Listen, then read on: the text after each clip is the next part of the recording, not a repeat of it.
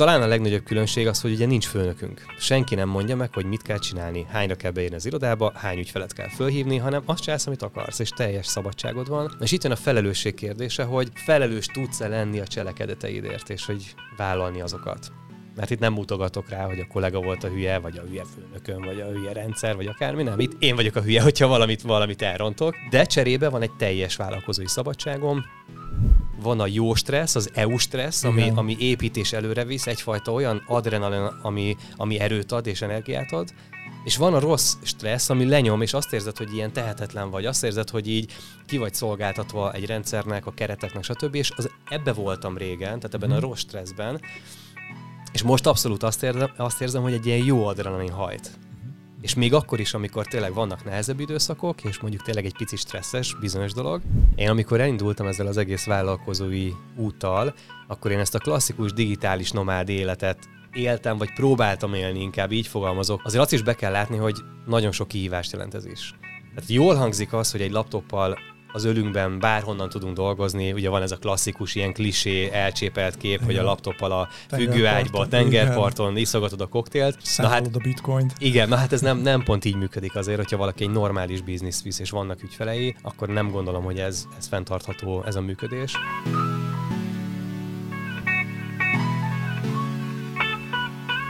Sziasztok, üdvözlünk mindenkit a Szintlépés Podcast mai epizódjában, ahol itt van velem a stúdióban ma is műsorvezető társam Bolya Imre. És itt van velünk Dallos Zoltán is. A podcastünk célja, hogy bemutassunk nektek eh, inspiráló történeteket és gyakorlati lépéseket, amit eh, a vendégeinktől tudhattok meg, tudhatunk meg, és olyan vendégeket hívunk a stúdióban, akik ugye szintet léptek a, a saját területükön, és az a célunk ezáltal, hogy ti is, illetve mi is szintet lépjünk és tanuljunk ezekből a történetekből. Everything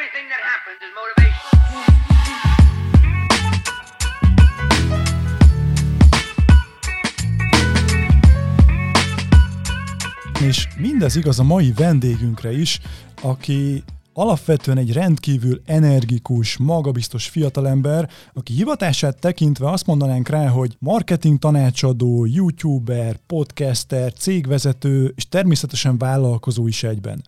Szakmai útját jól jellemzi, hogy alkalmazottként és vállalkozóként is komoly sikereket ért már el. Dolgozott régióvezetőként a bankszektorban, utána belekóstolt az energetikába és az IT szektorba is. Vállalkozóként pedig létrehozta az üzlet és utazás rendezvénysorozatot, könyvet írt alkalmazottból vállalkozó címmel, és szenvedélyesen építi a YouTube csatornáját. Nemrég került föl a 107. interjúja, amit mindig inspiráló emberekkel folytat. Ezeken túl a DLX média ügynökség alapítója és vezetője. Fontos megemlíteni róla, hogy kiváló kapcsolatépítő, népszerű előadó, a hatékonyság nagykövete és rendkívül kreatív stratéga. Nagyon erős a rendszer és folyamat szemlélete, vág az esze, mint a borotva, és sosem csügged, valami hatalmas belső tűz hajtja előre. Az egyik munkatársa mondta azt róla, hogy sok online marketinggel foglalkozó jó szakember van itthon, viszont Zolit azt különbözteti meg, hogy hallgat a megérzéseire, és odafigyel arra, hogy legtöbbet hozza ki az emberekből. Ha még esetleg nem találtátok volna ki, a mai vendégünk nem más, mint műsorvezető társam és alapító társam, Dallos Zoltán. Hát nagyon szépen köszönöm ezt a fantasztikus felkonferálást. Zoli, köszöntelek itt a, a stúdiódban, a közös kis stúdióban. Egészen meghatódva ugye? itt vagyok, igen. Ugyanis most már elárulhatjuk, hogy alapvetően vendégeket hívunk meg ebbe az adásba, viszont beszélgetünk egymással is, különböző témákat is körbe fogunk járni, és a mai ez egy különleges adás, amikor én vagyok az a szerencsés, aki tőled kérdezhet bármit, hogy egyrészt én is jobban megismerjelek, illetve természetesen a hallgatók is megtudjanak rólad olyan dolgokat, amiket lehet, hogy még talán sehol nem osztottál meg. És nem is tudom a kérdéseket, azt tegyük hozzá, hogy nem beszéltük meg, úgyhogy kíváncsian várom, hogy mivel készültél. Hát sok mindennel készültem, remélem bele is férünk az időnkbe. Az első is, ami engem legjobban foglalkoztat, az visszakanyarodik az első adásunkhoz, ahol azt mondtad, hogy neked egy fontos alapelved az életben, a munkában, hogy a kész az jobb, mint a tökéletes ezt na, mai napi szinten érzem a podcast készítésünk során is. Kicsit olyan, mintha Zoli lenne a késznek a nagykövetei, meg a tökéletesnek. Persze közeledünk már egymáshoz, de ami nagyon érdekel, hogy honnan jön neked ez a fajta alapelv, mert ezt nagyon kevés embernél tapasztalom. Hol tanultad ezt? Kitől? Hú, ez egy jó kérdés, de, de alapvetően um, van több olyan példakép, ahol hasonló mentalitást látok, vagy hasonló hozzáállást látok. Ugye többször emlegettük már a Gary V, Gary Vaynerchuknak a nevét, aki egy amerikai New Yorki marketing ügynökségnek az alapító vezetője, és ő például ezt a gondolatmenetet ezt így nagyon-nagyon gyakran mondja, és mindig újra meg újra visszaköszön a, a kommunikációjába. De szerintem ezt viszonylag sok helyen láttam, olvastam különböző üzleti vagy filozófiai témájú könyvekben, hogy tényleg az embereket azt fogja vissza, hogy, hogy a tökéletest hajkurásszák, ami nem létezik, mert az ki szerint tökéletes. Tehát ez mindig egy tök szubjektív dolog, hogy most az a dolog az tökéletes, 100%-os, vagy csak 90, vagy 110, tehát hogy ez egy... Én, én azt tapasztalom, hogy ez abszolút visszafogja az embereket, hogy ezt a, ezt a virtuális 100%-ot kergetjük, és hogyha viszont elengedjük 80, 85, 90 százaléknál, és azt mondjuk, hogy oké, okay, ez most így kész van, menjünk tovább, halljuk meg a visszajelzéseit a nézőknek, hallgatóknak, vevőknek, fogyasztóknak, tök mindegy, hogy milyen témáról beszélünk, uh-huh. majd a visszajelzéseket beépítjük a folyamatainkba, és szépen apránként javulunk, adásról adásra, hónapról hónapra, és egyre jobbak leszünk. És én azt látom, hogy ez egy sokkal hatékonyabb módja a fejlődésnek.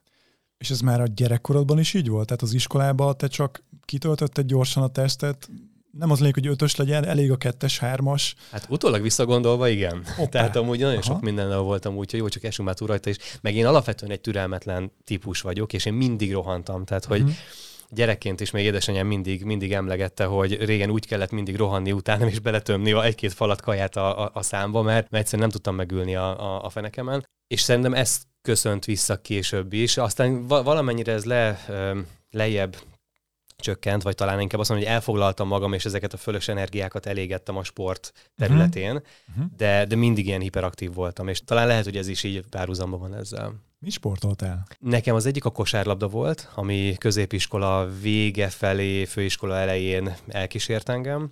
Aztán átváltottam egy kevésbé egészséges sportra, a biliárdra, Hoppá. amiben szintén így ilyen amatőr versenyeken vettem Aha. részt, és egész jó eredményekkel. De hát azért azt, annak a sportértéke az nincs akkora, mint a kosárlabdának volt. Mondtad, hogy türelmetlen voltál, akár az is tudsz lenni a mai napig. Hogy jön össze a türelmetlenség a fókuszálással? Mert hogy mi ismerjük egymást pár, jó pár éve, és, és én tudom rólad, hogy a fókuszálással voltak, vannak kihívásaid. Tehát igen, ez a kettő összefügg, csak valószínűleg fordítottan arányos, tehát hogy a türelem és a, a fókuszálás. Tehát igen, nekem mindig problémát jelentett ez a egy dologgal foglalkozni és mindig az volt, hogy belekezdtem új dolgokba, mindig azzal nyugtattam magam, hogy ú, hát a szinergiákat kihasználom, hogy ezek mennyire jól összefüggenek ezek a dolgok, hogy mennyire támogatják egymást, de azért be kell látni most már ennyi év után, hogy nem lehet ennyi mindenre figyelni. És van az a mondás, hogy, hogy tényleg egy seggel nem lehet több lovat megülni, és hogy ez nagyon igaz, és most például pont, amikor, amikor itt ülünk, az elmúlt hónapokban sikerült sokkal jobban fókuszálnom a fő tevékenységünkre, és érdekes módon az eredményeink azok látványosan javultak. Uh-huh. Tehát, hogy igen, ez beigazolódik, hogy, hogy működik, csak szerintem nehéz fókuszálni. Egyrészt ez személyiségtípus függő is, másrészt pedig annyira sok lehetőség van a világban, hogy azt érzem, hogy ha nem foglalkozok mindennel egy picit, akkor kimaradok belőle. Fear of missing Így out, ugye a híres FOMO. Uh-huh. Uh-huh. És mi, az, mi egyébként most ez a fő tevékenység, ami, ami, amire utaltál?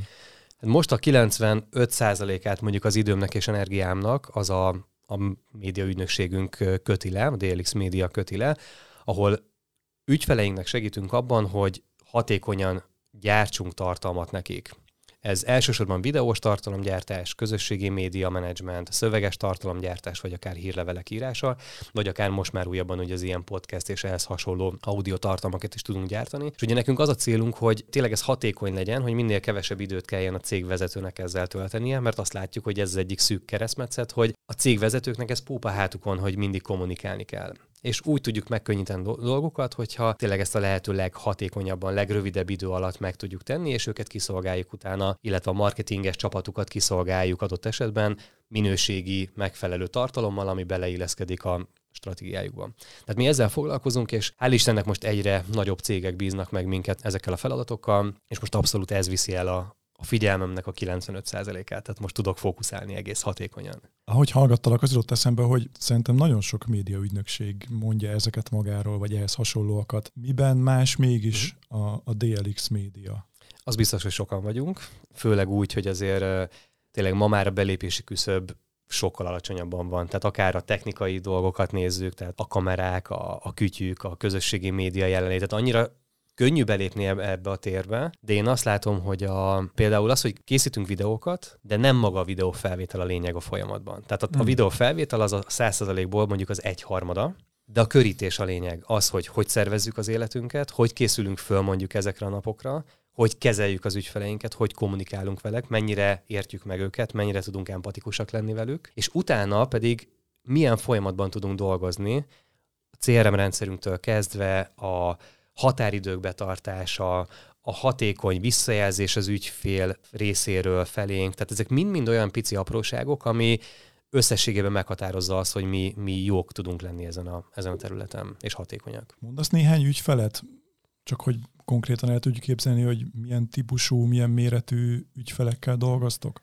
Ez nagyon vegyes, tehát tényleg az egészen a, a kisebb webshopoktól kezdve, mondjuk a legnagyobb ügyfelünk jelenleg az a Budapesti Műszaki Egyetemnek a, a gazdaságtudományi kara, akikkel most zártunk egy ilyen másfél hónapos egy ilyen tesztperiódust, és most indulunk egy hosszabb folytatásba, egy, egy hosszabb szerződéses időszakban most indulunk el. Nagyon jó példa arra, hogy ott havonta kettő teljes napot töltünk föl tartalommal, ezek lehetnek akár szakértői interjúk, ahol a tanári karban egymással beszélgetnek, lehet akár a hallgatói önkormányzat képviselői, hogy mit kell tudni diákként, mire figyelj a beiratkozásnál, mire figyelj gólyaként, hogy indulj el, hogy integrálódj be a rendszerbe de lehet akár edukációs típusú videók azoktól a szakértőktől, akik ugye egy-egy tantárgyat visznek, mint például az idegen nyelvű központ vezetője, akivel készítettünk egy olyan videót, hogy az volt a címe, hogy 5 plusz 1 típa sikeres nyelvvizsgához. Mm. Ez egy abszolút egy ilyen ultimate tartalom, ez nem Igen. is kizárólag csak a saját hallgatóknak, hanem mindenkinek hasznos, de építi az ő hitelességüket, szakértői státuszukat, és nekünk ez a fontos, hogy ez alakuljon ki a, a látogatókban, nézőkben, hogy ők értenek hozzá, és szakértők ülnek ott és ebben támogatjuk őket. És mellette most kezdünk el együtt dolgozni a Bilingóval például, jelenleg a második legnagyobb számlázó program, és hamarosan üzleti központ is lesz itthon, tehát ugye a számlázó funkciót bővítik folyamatosan, és több mint százer ügyféle rendelkeznek Magyarországon. Ugye velük kezdünk együttműködni, illetve vannak, akikkel már közel egy éve, például a Dodo lakberendezési webshop és webáruház, akik szintén nagyon szépen nőnek évről évre, és, és rájöttek arra, hogy mennyire sok lehetőség van a videós tartalomgyártásban. Én úgy tudom, hogy neked van egy sajátos cégépítési alapelved, vagy lehet, hogy nem csak egy, hanem több is, mégpedig az a, az a klasszikus kérdés, hogy vajon inkább szabadúszókkal, freelancerekkel dolgozzak, vagy alkalmazottakkal, hogy állsz most ehhez, honnan indultál, és milyen utat jártál be ezen a téren? Ez nagyon érdekes kérdés. Jelenleg úgy vagyunk, hogy mindenki egytől egyig alvállalkozó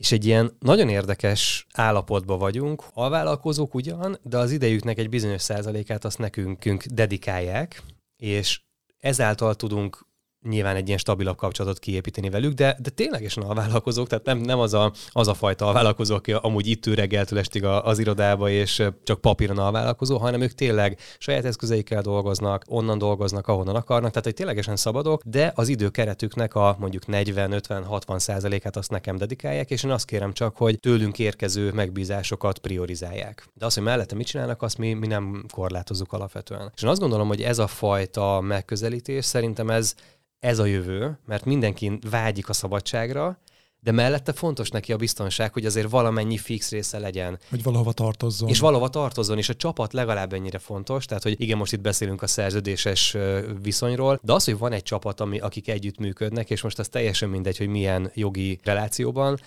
de ez nagyon fontos mindenkinek. Egy másik nagy változás a, az életedben az elmúlt években az az volt, hogy immáron ugye egy gyönyörű stúdióban ülünk, aminek még további helysége is vannak, de hogy ez nem volt mindig így.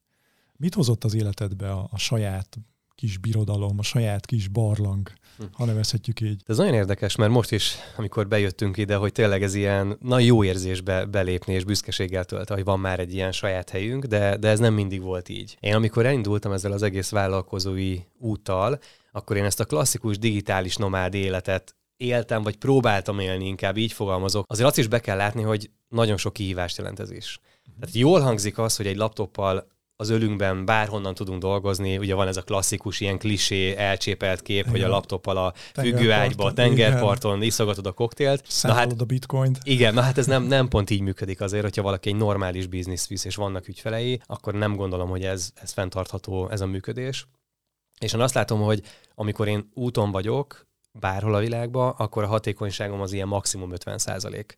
Még ha meg is találom a jó, stabil internetet, akkor is nagyon sok a változás, mindig komfortzónán kívül vagy, mindig hozzá kell szoknod egy új helyszínhez, beülsz egy új kávézóba, lehet, hogy az zajos, nem elég gyors a wifi. Tehát rengeteg olyan kihívással találkozol, ami azért megnehezíti a munkát, és nem beszélve arról, hogy mostanában vagy Zoom meetingekben ülök, vagy ügyfelekkel tárgyalunk, vagy nagy fájlokat mozgatunk a háttérbe, és ahhoz kell egy elég, elég bika internet. Na és ez mondjuk azért sokszor korlátozódik, amikor hmm. külföldön él valaki. De így indultam el, ezt követően azért kicsit stabilizálódtam, hogy sokkal uh, inkább voltam itthon már, és kevesebbet úton, mert uh, én így végigpörgettem 20 országot két év alatt. És nem mondom azt, hogy kipipáltam mindent, amit látni akartam előtte, de most azt gondolom, hogy ez így elég volt egyelőre. Kicsit így lehiggadtam, és elkezdtem a stabilitást keresni, és ennek az első lépése az az volt, hogy közösségi irodákba jártam. Talán egy ilyen másfél éves időszak volt ez, vagy periódus mm-hmm. volt az életemben, ami már ugye egy ilyen fél lépés volt ebbe az irányba, hogy saját irodánk legyen. Mi szintén egy tök jó megoldás volt, hogy adott egy stabilitást, de mégis akkor mentem be, amikor akartam, és nem volt akkora elköteleződés. Viszont, ahogy gyűltek a cuccaink, egyrészt egyre több kamerás, kütyű, kiegészítő eszközök, állványok, fények, és ez sok-sok pici apróság ez így összeadódik. Ez volt az egyik oka, amiért elkezdtem nézegetni saját irodát. És a másik azért azt is be kell látni, hogy ez egy presztízs dolog. Tehát van egy olyan bizonyos ügyfélkör, aki nem azt mondom, hogy elvárják, de segít, hogyha azt mondom, hogy figyelj, van egy irodánk, mi létezünk, itt vagyunk, fizikailag megtalálhatóak vagyunk, és ez a mi kis birodalmunk. És én azt látom, hogy ez azért mai napig fontos és van, van jelentősége. Tehát azt is mondhatjuk, hogy ez egy szintlépés volt az életedben. de jó. Igen, igen, pontosan. A bemutatkozásban sok mindent mondtam róla, de azt is említettem, hogy te ugye írtál egy könyvet alkalmazottból vállalkozó címmel, és az merül fel bennem, hogyha ezt a könyvet most írnád meg, vagy akár most kezdenél neki, akkor mi az, amit változtatnál az első kiadáson? Kihagynál, hozzátennél, hogy Nagyon jó a kérdés, most? ez nemrég felmerült egy, egy másik interjúba, és, és gondolkoztam, gondolkoztam, és rájöttem arra, hogy nem. Tehát, hogy szerintem ez, ez úgy volt jó, ahogy volt, mert szerintem az, amit én abban el akartam mondani, az benne volt, ami kimaradt, az meg, az meg úgyis majd egy következő részben, vagy epizódban, vagy könyvbe fog majd kijönni. De szerintem ez a célját teljesen elérte. És szintén itt a kész jobb, mint a tökéletes alapelvel készült a könyv is. Biztos, hogy lehetett volna még, még sokkal-sokkal jobb, nem tudom, kivitelezésbe még átgondoltabb, stb. De mégis azok a visszajelzések így az olvasók részéről, hogy átment az üzenet, és, meg, és átment az, amit, amit én mm. szerettem volna üzenni vele. Úgyhogy szerintem ez így volt jó, és én innen változtatnék ezért rajta. Amúgy most pont aktuális, lassan a második nyomás, második kiadás, úgyhogy most kell átgondolni majd, hogy egy-két hibát ki kell javítani, de hogy így nem, nem fogok változtatni rajta. Másik vendégünknél is megkérdeztük már azt, hogy honnan tudhatja valaki, hogy inkább vállalkozó típus, és bátran merjen belevágni, mert sikeres lesz, vagy inkább maradjon meg alkalmazottként, és úgy építsen karriert. Te hogy látod ezt az elmúlt évek tapasztalata alapján, sőt, ha jól tudom, te dolgozol is emberekkel, mentorálod őket. Mi erről a, a meglátásod? Igen, időnként vannak ilyen egyéni mentorálások, bár ez sem fő fókusz, és ugye ezt is szándékosan visszávettem ebből. Az 5 ba Pont, pont azért vettem ebből is visszább, hogy ne, ne vigye el a fókuszt a, a fő B2B tevékenységünktől és az üzleti tevékenységünktől. Az egész könyvnek az első fejezet az nagyjából ezt cincálja és ezt boncolgatja. Ugye ez két éve született az a könyv, tehát azóta igazából inkább azt mondom, hogy csak megerősödtek ezek a gondolatok, de ugyanazt vallom ma is, hogy Szerintem az egyik legfőbb különbség ez a kockázatvállalás vagy felelősségvállalás kérdése. Kockázatvállalás az talán evidensebb, hogy nyilván vállalkozni az mindig is egy, egy bizonytalanabb, egy kiszámíthatatlanabb dolog, sokkal inkább rád van utalva minden, és a te cselekvésedre, cselekedeteidre van utalva, hogy az most sikeres lesz, vagy nem lesz sikeres. És talán a legnagyobb különbség az, hogy ugye nincs főnökünk. Senki nem mondja meg, hogy mit kell csinálni, hányra kell beírni az irodába, hány ügyfelet kell fölhívni, hanem azt csinálsz, amit akarsz, és teljes szabadságod van. És itt jön a felelősség kérdése, hogy felelős tudsz-e lenni a cselekedeteidért, és hogy vállalni azokat. Mert itt nem mutogatok rá, hogy a kollega volt a hülye, vagy a hülye főnökön, vagy a hülye rendszer, vagy akármi, nem. Itt én vagyok a hülye, hogyha valamit, valamit elrontok. De cserébe van egy teljes vállalkozói szabadságom, a hatóságok meg a, meg a szabályozás kivételével, nyilván ők adnak egy bizonyos keretet, de amúgy azt csinálok, amit akarok, és bármit csinálhatok. És van, aki ezzel a nagy szabadsággal tud élni, ki tudja használni, van, aki meg, meg nem tud élni vele, van, akinek ez túl stresszes, vagy valakinek kell, hogy meg, megadja valaki ezeket a kereteket. Ő azon belül nagyon jól el van, uh-huh. de a kereteket valaki adja meg. És gondolom sokan vannak úgy is, hogy nem tudják, hogy ők vajon mit kezdenének ezzel a szabadsággal, és kipróbálják magukat. És sobb többen voltak olyanok is, hogy elkezdték, és kb. egy ilyen fél év alatt rájöttek arra, hogy ez most nem, vagy még nem aktuális, vagy most ebben az élethelyzetben inkább visszamegyek alkalmazottnak, mert az kiszámíthatóbb, lehet, hogy valaki olyan családi helyzetben van, hogy szüksége van rá, vagy éppen nem tudom, gyes előtt áll, vagy bár, bármilyen oka lehet, amiért neki fontosabb az, hogy ez egy fix kiszámítható dolog legyen. De amúgy rengeteg olyan példa van, hogy van, aki az alkalmazotti létben találja meg ezt a az ő szabadságát, és van, aki azon belül meg tudja találni. Tehát ez szerintem abszolút mondjuk munkahelyfüggő, tevékenységfüggő, iparágfüggő, de nyilván a vállalkozói lét az azért ad egy teljes fokú szabadságot. Otthon milyen alapelveket, szabályokat, hitrendszereket hoztál ebben a témában? Ez érdekes, mert a szüleim egész életükben alkalmazottak voltak, tehát ők abszolút nagyon kockázat kerülő, és egész életükben dolgoztak talán három-négy munkahelyen, tehát hogy én abszolút nem ezt a, nem ezt a példát láttam. És te rebellis lázadó Igen, pont ezt akartam mondani, még, még, még az elején talán volt, volt is egy pici, picike konfliktus ebből, hogy, hogy az én kockázatvállalási hajlandóságom az talán, talán túl nagy, és hogy, hogy óvatosnak kell lenni. De én nem bántam meg a, az összes dolgot, ami, ami történt itt az elmúlt nagyjából 20 évben, amióta ugye felnőtt vagyok, vagy, vagy aktív vagyok, és, és valamilyen szinten dolgozok. Még akkor is volt tényleg rengeteg kudarc, bukás, mindenféle, de, de ez úgy volt jó, ez kellett minden ahhoz, hogy tényleg most, most így itt tartsak, ahol, ahol tart, tartok. Szóval értem, hogy a szüleid abszolút kockázat kerülők, te pedig valami oknál fogva pont a mérleg másik oldalára helyezted magad. Így van. Így van. Mondtad, hogy, hogy nem bánsz meg semmit az elmúlt húsz évből sok helyen dolgoztál, mert sok tevékenységgel foglalkoztál, de van egy ominózus munkád, amit még így fiatal korodba, még fiatalabb korodba végeztél. Mesélsz erről nekünk, hogy ez mi is volt Melyikre pontosan? gondolsz? A sok közül? ja. ez a publikusra, tudod, a, az a sofőrös sztori. Hát igen, a tényleg minden voltam így, főleg így akár gimnázium mellett, nyári munkák, vagy, vagy később ott 18-20 éves koromban nagyon-nagyon sokféle munkát elvállaltam. Az, az nekem sose, sose volt büdös, hogy mit kell, mit kell dolgozni. Voltam ruhaboltban eladó például, ezt lehet, hogy nem is tudod. Hmm. Még annó tizenévesen, nem tudom, vittem ki a superinfót, és, Azt én is és szállítottam. És számoltuk, hogy hányat dobunk ki, mert egy ötvenet kaptunk darabjáért. és így vagy. És amikor a csavarboltos megtalált, hogyha beleteszem a kis plusz cetlit, akkor duplázom a, duplázom a darabárat, akkor, akkor teljesen azt gondoltam, hogy én vagyok a sztára, nem tudom, tényleg ez egy két forintos darab, darabáron. De igen, arra gyorsan rá kellett jönni, hogy ha, amit az időnkkel tudunk keresni, vagy hogyha úgy a munkaerőnket adjuk el, akkor az azért eléggé véges. Igen. Még ha nagyon-nagyon jól is csináljuk, amit csinálunk, akkor is van egy van felső egy korlát, amit, amit mondjuk el tudunk érni alkalmazottként, munkavállalóként. De az ominózus est, amit mondtál, az az, az volt, hogy elmentem egy nagy építőipari cég, cégcsoporthoz, vezetőségi sofőrnek. És ez volt 21 évesen, és amúgy én ezt nagyon-nagyon imádtam, mert ez volt az első olyan munkahelyem, ahol igazából azóta dolgoztam majdnem végig öltönyben, tehát az volt az első pont, amikor fel kellett öltözni normálisan, és adtak egy ilyen nagyjából 15 millió forint, forintos Mercedes kisbuszt, az egy ilyen Vianót vagy vit, Vitót, igen, igen, ez zsírúj volt, akkor ott jött ki a szalomból, ez olyan volt, ez egy tárgyaló busz volt, tehát hátul egymás felé volt fordítva a négy, négy szék, ki lehetett hajtani az asztalt, és akkor ott szépen tárgyalt a, a tulajdonos, meg a teljes vezetőség mögöttem. És azért azt mondhatom, hogy az ott felért egy kisebb MBA képzéssel azok a tárgyalások, amit ott mögöttem zajlottak, és ugye volt egy-két jó történet, amikor ugye úgy kellett vezet, ha kiraknak egy pohár vizet az asztalra, akkor az ne lötyenjen ki. Igen.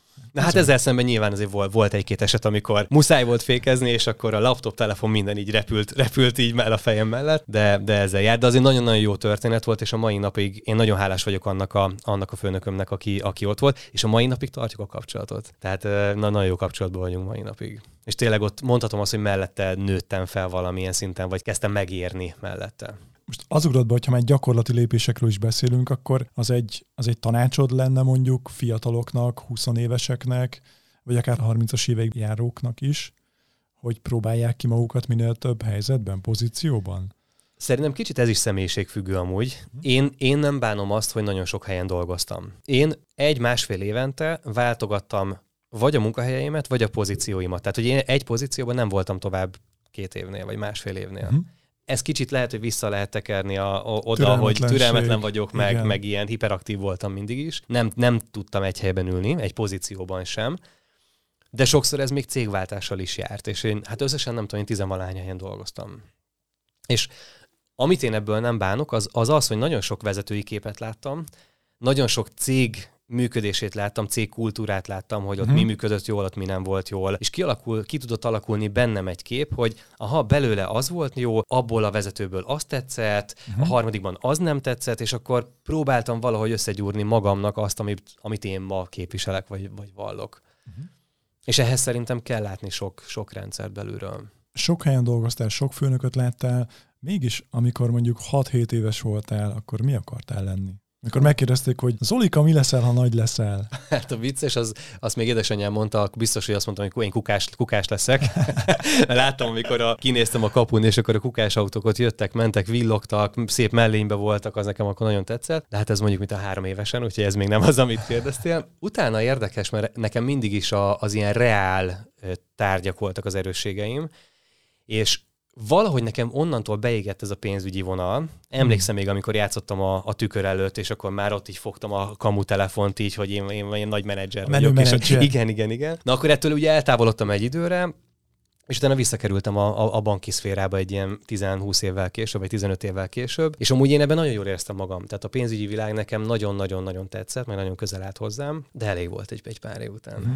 De, de azért nagyon-nagyon erős alapot adott az a, az a hat év, amit a bankban töltöttem. Ha jól tudom, volt egy komolyabb egészségügyi kihívásod is, hogy finoman fogalmazzak, ugyanis a kórházban kötöttél ki? Hát igen, én, én kicsit olyan, túl, olyan keveset, túl komolyan... keveset dolgoztál, ugye? Biztos igen, kicsit túl, túl komolyan vettem a, vettem a munkát, és hát igen, ez így, ez így teljesen megvan ez a kép, ez 2011 vége, és az akkori, akkori vezető önfőnökön mondta, hogy most már ez így elég lesz idénre, és most már így pihenjek kicsit, nem tudom, 93%-on álltunk egy ilyen összesített mm. mutatóban, már karácsony környéke volt, vagy egy-két nap a karácsony előtt voltunk, és akkor tényleg én, én akkor egy olyan állapotban voltam, hogy így ilyen teljes ilyen ideg-ideg zsába bennem volt, vagy ilyen, ilyen idegbetegként mászkáltam, és ugye ezt én nem éreztem belülről, egy ilyen nagyon felfokozott állapotot éreztem, de közben a szervezetem azért az már kezdett felrobbanni, és tényleg akkor volt egy ilyen évvégi hajtás, amikor én még mondtam, hogy nem, csak azért is behozzuk a száz százalékot. Hiába mondtam a főnököm is, hogy hagyjam. Nem, csak azért is behozzuk. És minden egyes héten én kiszámoltam és prezentáltam a csapatnak, hogy hogy lehet megcsinálni a száz százalékos eredményt. És akkor emlékszem, hogy az utolsó nap, tehát december 30 vagy 31-én, péntek délután, még aznap is berohantam a központba, hogy könyveljenek le egy új szerződést, amit akkor megkötöttünk. Tehát ilyen szinten fel voltunk tuningolva, és meglett, meglett a 100 százalék mellette akkor éppen volt valamilyen ilyen mellékvállalkozási ötletünk, vagy kezdeményezésünk. Akkoriban nem sportoltam túl sokat, de cserébe megittam napi 5-6 kávét. Wow. Na, tehát ugye ezt így összeadunk minden, minden ilyen dolgot, akkor ennek az lett a vége, hogy elmentünk, elvonultunk, ugye lezártuk az évet, január egy ilyen, nem tudom, talán két vagy három hét szabadságot akartam kivenni, hogy akkor most kipihenem magam, és amikor elkezdtem kicsit lelassulni, akkor így benyilalt, és éreztem, hogy meg is van az a pont, hogy mikor, mikor történt, és ez egy szívritmuzavar volt akkor. És azt mondják, hogy állítólag ez pont-pont ilyenkor van, amikor tényleg ilyen nagyon-nagyon felpörgött menedzser típusú emberek kicsit uh-huh. elkezdenek lelassulni, hogy ott van egy ilyen kockázat, hogy a szervezet az valamiért ott nem tudja ezt jól kezelni. Uh-huh. Na és akkor nekem ez így jött, így jött be, elmentem, nem tudom, aznap este a kardiológiára, de hát ott is este nyolckor még vittem a laptopomat, még ott pörögtem, írtam az e-maileket, mert hát nekem nem volt tudatom, hogy nekem bármi bajom van. És akkor így fél kilenckor megnéztek este, és mondta, hogy akkor én már sehova nem megyek innen, hanem akkor sétáljak át szépen a sürgősségi osztályra, és akkor én most itt maradok. Mert hogy ez egy folyamatos ilyen pitvar fibrilláció volt, amit ott uh-huh. meg, kellett, meg kellett csinálni. De belé, belé is nyúltak, uh-huh. és kiütötték ezt a, ezt a problémát. És azóta újra elérted, hogy azt a fordulatszámot túlhaladta, tudatosan lassítasz. És ez egy nagyon-nagyon jó régi, kérdés. Annyira régi emlék, hogy hát ki emlékszik már arra. És valószínűleg nem úgy tűnök, mint aki lelassított hát, volna. Nagyon. nagyon nem, nagyon nem. Na, és ez egy nagyon jó kérdés, mert, mert most is pörgök, most is stresszes, de másképp stresszes. És én mindig azt szoktam, ezt talán a Tim Ferris mondta ezt a példát, azt hiszem az egyik könyvben, hogy a, van a jó stressz, az EU stressz, ami, ami építés előre visz, egyfajta olyan adrenalin, ami, ami erőt ad és energiát ad, És van a rossz stressz, ami lenyom, és azt érzed, hogy ilyen tehetetlen vagy, azt érzed, hogy így ki vagy szolgáltatva egy rendszernek, a kereteknek, stb. És az, ebbe voltam régen, tehát ebben mm-hmm. a rossz stresszben, és most abszolút azt érzem, azt érzem hogy egy ilyen jó adrenalin hajt. Uh-huh. És még akkor is, amikor tényleg vannak nehezebb időszakok, és mondjuk tényleg egy pici stresszes bizonyos dolog, de akkor is érzem azt, hogy de basszus, tök jó, amit csinálunk, uh-huh. és, és tele vagyok erővel, és minden rajtam múlik, akkor oldjuk meg, és megoldom. Uh-huh. És ez, a, ez, ez nagyon-nagyon más ez a jelenlegi stressz. Mi az, amiből te töltődni szoktál? Hogyan töltődsz? Hány százalékban uh-huh. működik ez? Hát ami engem nagyon tölt, az így az utazás, meg a, meg a társaság, tehát így baráti kör, meg az utazás. És ugye sajnos pont ez a kettő volt az, amit így a pandémia az így takaréklángra tett, de azért most már úgy tűnik, hogy vissza tudunk térni ebbe a régi kerékvágásba, és gyorsan is mentem egy, egy olaszországi hétvégére így múlt héten. Tehát ez, ez nagyon-nagyon tölt, és az, hogy új kultúrákat megismerni, az utazás közben komfortzónán kívül lenni, mindig megoldani feladatokat, új ingerek érnek, tehát engem ez, ez nagyon-nagyon-nagyon tölt. És én el szoktam mondani, hogy sokszor, ha semmi más nem csinálok, csak tényleg kimegyek mondjuk Spanyolországba, és onnan ugyanúgy dolgozok, ugyanúgy kinyitom a laptopom, csak az ottani környezetben vagyok, az ottani levegőt szippantom, sokszor engem már az önmagában feltölt. És ott az, azon belül micsoda? A, az emberek, a hangulat, a gondolkodás, mód, Spanyoloknál kifejezetten, mind, így ebben a sorrendben. Aha, minden. Tehát a, a, a hangulat, a, a hozzáállásuk az élet, ez a lazaságuk, a jó, jó konyha, a jó idő, a tenger, ez mind-mind összeadódik, és így és feltölt. Úgyhogy azért nekem van egy nem titkolt uh, célom itt azért a következő évtizedben, hogy én azért szeretnék egy ilyen kétlaki életet megvalósítani mhm. stabilan. Mm.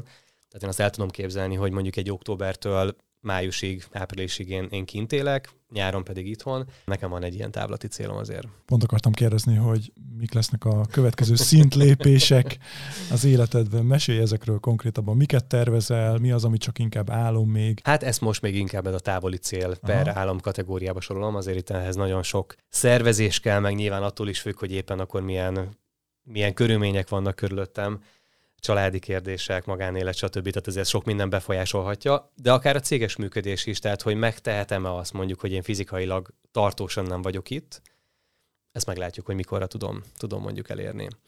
De most, ami mondjuk belátható időn belül, tehát mondjuk ilyen egy, egy-két évre merek tervezni, pont volt nemrég egy ilyen kérdés, hogy, hogy milyen távra tervezek. Uh-huh. És az optimista énem, meg a, meg a igen, az, az örök optimista énem azt mondaná, ó, hát hosszú távra, 5-10-20 évre akár, meg úgyis minden jó lesz. De a realista énem azt mondja, hogy szerintem most a belátható idő ez a 1-3 éves táv, amit úgy merek tervezni, hogy, hogy tényleg kiszámíthatóan. Szerintem azon túl túl sokat változik a technológia, a vállalkozói környezet, a szabályozás, választások vannak jövőre, ki tudja, hogy hogy Igen. változik a körülmények, tehát én nem mernék nagyon konkrétan tervezni, de mondjuk ez az egy-két éves távon látom azért nagyjából a következő szinteket. Az egyik ilyen cél, amit szeretnék megvalósítani, és talán emlékszel is volt egy ilyen évértékelő beszélgetésünk a közös mastermindon, és ott illusztráltam úgy, hogy a, a 2020 volt egy ilyen vékony, állt már a ház, de elég vékony kis cölöpökön állt, és itt igen, tényleg egy ilyen kisebb igen. szél az így elfújja ezt a, ezt a kis bungalót kategória, és a jobb oldali képen pedig egy erődítmény volt, sziklaszilárd falakkal és, és nagyon masszív szerkezettel. Na hát én ezt a transformációt szeretném megcsinálni mondjuk itt a elkövetkező egy-másfél évben. Aha. Ami alatt én azt értem, és hogy gyakorlati lépésekről is beszélgessünk, nekem ez azt jelenti a gyakorlatban, hogy A. Minden olyan kulcspozícióra, ami fontos a cégben, legalább kettő, de inkább három ember legyen képes azt ellátni. Tehát ne legyen az, hogy függünk egy valakitől, aki ha elmegy tőlünk, szabadságra megy, bármi történik vele, akkor, akkor kész meg, meglőttük a működésünket. Mm. Tehát nekem ez az egyik legfontosabb, ami, amit szeretnék elérni. A másik az egy, ami a stabilitáshoz köződik, az egy árbevételi cél ami ahhoz szükséges, hogy tudjunk többet tartalékolni, visszaforgatni eszközökbe, adott esetben bátrabban vagy merészebben növekedni és venni föl már előre mondjuk olyan munkaerőt, akkor investálni olyan dolgokba, ami például akár ez a saját podcast, saját magazin, második könyv, tehát olyan dolgokba, ami, ami azért kell beletenni pénzt és időt, energiát az elején, de ha nyilván van még plusz tartalékunk, akkor sokkal, sokkal inkább vissza tudom forgatni a, a saját projektekbe. Úgyhogy én szeretném a 2022-es teljes évünkben a nettó 100 milliós eredményt elérni. Most hát a számításaim alapján a legjobb esetben is így a 40%-a lesz ennek meg, vagy 50%-a, uh-huh. viszont látom a növekedési pályánkat. Tehát, hogy látom azt, hogy mik azok a lépések, amivel ezt el tudjuk érni. Úgyhogy nekem nagyjából ezek a, a szintek így a következő mondjuk egy-másfél évre. A bemutatásban mondtam egy olyan mondatot, hogy vág az esze, mint a borotva, és pár éve derült ki egy ilyen fél elszólásodból, hogy neked erről papírod is van. Mi van erre a papírra írva, Zoli? És kinek van még ugyanilyen? Hát én alapvetően menza, menza tag vagyok, ami ugye azt jelenti, hogy itt ez a top, top nem tudom, egy vagy két százalék a, a IQ teszt alapján, és nem vagyok túl aktív benne, tehát hogy egyszer elmentem egy tesztre, és megcsináltam, és sikerült, tehát hogy így... Szer- szerencséd volt. Igen, szerencsém volt. Jó, jól lestem a szomszédról, nem? Úgyhogy én alapvetően mindig is reál beállítottságú voltam, nekem a matek az, az nagyon könnyen ment, tehát én igazából a matekot sose tanultam, hanem az úgy odafigyeltem, és logi- nekem logikus volt. És minden dologgal így voltam, ami logikus, azt így nagyon könnyen megjegyzem. És talán ez a, a mai működésben ez a rendszerépítés, CRM folyamatok, tehát valahol ez nekem itt köszönt vissza, hogy én ezt nagyon élvezem például a céges működésünkben, amikor a logikát kell, a kis folyamatábrákat kell összerakni. És valamilyen szinten az IQ teszt az nekem ennek volt így a, a, a visszajelzése, hogy, hogy ezeket az összefüggéseket talán jól látom. És hogyan a logikához és a rendszerekhez, a folyamatokhoz a kapcsolatépítés? Mert hogy ebben is meglehetősen ügyes vagy. Ha csak ránézzünk a YouTube csatornádra, számtalan inspiráló emberrel, influencerrel, marketingessel beszélgettél már, hatalmas networköd van, ezt hogy, hogy sikerült ezt így kialakítani? Milyennek a titka? Hogyha valaki esetleg a hallgatók közül hogy óvatosabb, nehezebben épít kapcsolatot, akkor mit tanácsolnál neki? Hát erre ilyen titkos receptet nem fog tudni mondani, de, de én mindig ilyen barátkozós voltam, tehát hogy talán volt egy ilyen őszinte érdeklődésem mindig a másik felé, és az egészen kicsiként már tudom, hogy megvolt, hogy, hogy tényleg kerestem a, a barátokat, akikkel együtt mentünk biciklizni, meg lejártunk mm-hmm. a nem tudom, a lakótelepnek a játszótér, és nekem mindig, mindig, mindig társasági ember voltam, de leginkább így a középiskolából eredt ez. És utána pedig a, a munkában nekem ez ott manifestálódott, hogy rengeteget szerveztem. Tehát én amikor a bankban ilyen kis régiót vezettem, ami mm. azt jelentette, hogy négy bankfiók kb. 30 fő, ez volt az én csapatom, akkor is nekem az nagyon-nagyon-nagyon fontos volt, hogy, hogy az tényleg csapatként működjön, és hát emlékszem, rengeteg olyan játék volt, amit szerveztünk, hogy különböző csapatépítő elvonulások, de hogy már eleve az volt a játék, hogy oda kellett találni például. És, és aki nem talált oda, hát az, az kimaradt, úgyhogy nem, de tényleg nagyon jó volt, és megérkeztünk, akkor hogy nyilván fogadtam őket a, a welcome drinkkel, és egy nagyon-nagyon jó hangulatú ö, dolgok voltak, és ezt nagyon-nagyon fontosnak tartom, hogy, hogy tényleg az emberek tudjanak egymáshoz szólni utána a munkába is sokkal-sokkal könnyebben, azért nyilván, amikor megítunk már egy-két pohár bort közösen, akkor utána sokkal-sokkal könnyebb lesz már együtt dolgozni is. Na és ez nekem fontos volt, és hogy kicsit elkanyarodtunk az eredeti témától, de hogy ez a társaság építés, ez nekem mindig fontos volt. És hogy adott esetben én kössek össze másokat, ne is feltétlenül rólam szóljon az a kapcsolat, hanem mondjuk én bemutatok két embert egymásnak. És szerintem ez is egy eszköze annak például, hogy hogy tud valaki tényleg kapcsolódni minél többet, hogy mondjuk az ne róla szóljon, de mégis segít, és mégis kapcsolatokat épít. És akkor még egy gondolat, a, a későbbi már vállalkozói létbe, ott pedig mindig kerestem tudatosan azokat a rendezvényeket, meetupokat, üzleti reggeliket, ahol lehet kapcsolódni. Tehát én azt gondolom, hogy tényleg így a kapcsolatok az a vállalkozói létben talán még fontosabb, de az alkalmazotti létben ugyanúgy fontos az, hogy, hogy milyen kapcsolataink vannak, és itt nem azt értem, hogy, hogy csak és kizárólag a kapcsolataink miatt bíznak meg minket bizonyos dolgokkal, látunk már ilyen példát is, Igen. hanem hogy a kapcsolatunk által csak ismerté válunk, hogy felhívjuk magunkra a figyelmet, hogy amúgy mibe vagyunk jók, mibe vagyunk tehetségesek, erősek, és azért találjanak meg minket bizonyos munkákkal majd. Tehát kicsit így felhívjuk magunkra a figyelmet azáltal, hogy nyilván sok embert ismerünk. Ugye pont egyik korábbi vendégünk mondta azt itt ebben a podcastben, hogy, hogy kukorékolni kell. Kukor... Nem, elég, nem, nem, nem elég tojást tojni, hanem kukorékolni is kell róla, és ez tipikusan ez, hogy tényleg minél több ember tudja meg azt, hogy te mibe vagy jó, és mivel foglalkozol. Honnan jön ez a, ez a belső tűz, ez az energia? Mi, mi, az, mi az, ami hajt előre? Mi az, ami, amitől felkelsz minden nap, hogy az alkotás. Az alkotás? Aha. Tehát én, én imádom azt, amikor így létrehozunk valamit, és például amikor elkezdtük ezt a közös podcastet, ott is az volt az egyik fő ilyen drive ebben az egészben, hogy, hogy itt van minden lehetőség, alkossunk már valami jót. És hogy ez tipikusan egy olyan dolog, amit hogyha megnézzünk teljesen tisztán üzletileg, akkor ezzel most nem nagyon érné meg foglalkozni. Elég sok időt szentelünk a felkészülésbe, a technikai dolgokba, és rövid távon nincs is anyagi elvárásunk ezzel kapcsolatban. De mégis imádom csinálni, és szerintem ezt most mindketten elmondhatjuk. Abszolút. Mert, mert, mert alkotunk valamit, és egy maradandót alkotunk, ami, ami itt lesz lehet 5-10-20 év múlva, és ezt fogják hallgatni. És ha egy szinten lentebb megyünk, mit ad ez neked? Az alkotás? Ez az ötszörös miért a, a Toyota módszer? Nagyon jó. Például, de most menjünk csak le kettőig. Vagy háromig. Miért? Miért jó alkotni? Nem tudom, talán ebben ebben élem ki azokat a kreatív energiákat, ami, ami bennem van, ebben vezetem le. Meg, meg jó azt látni, hogy mondjuk mások életére hatással vagyok. Akár a hallgatók életére, akár a nem tudom, munkatársak, ügyfelek. Tehát amikor nyilván hatással vagyok valakire, és mondjuk eredményeket érnek el nekik, az egy jó érzés. És ez miért jó? és tovább nem megyek.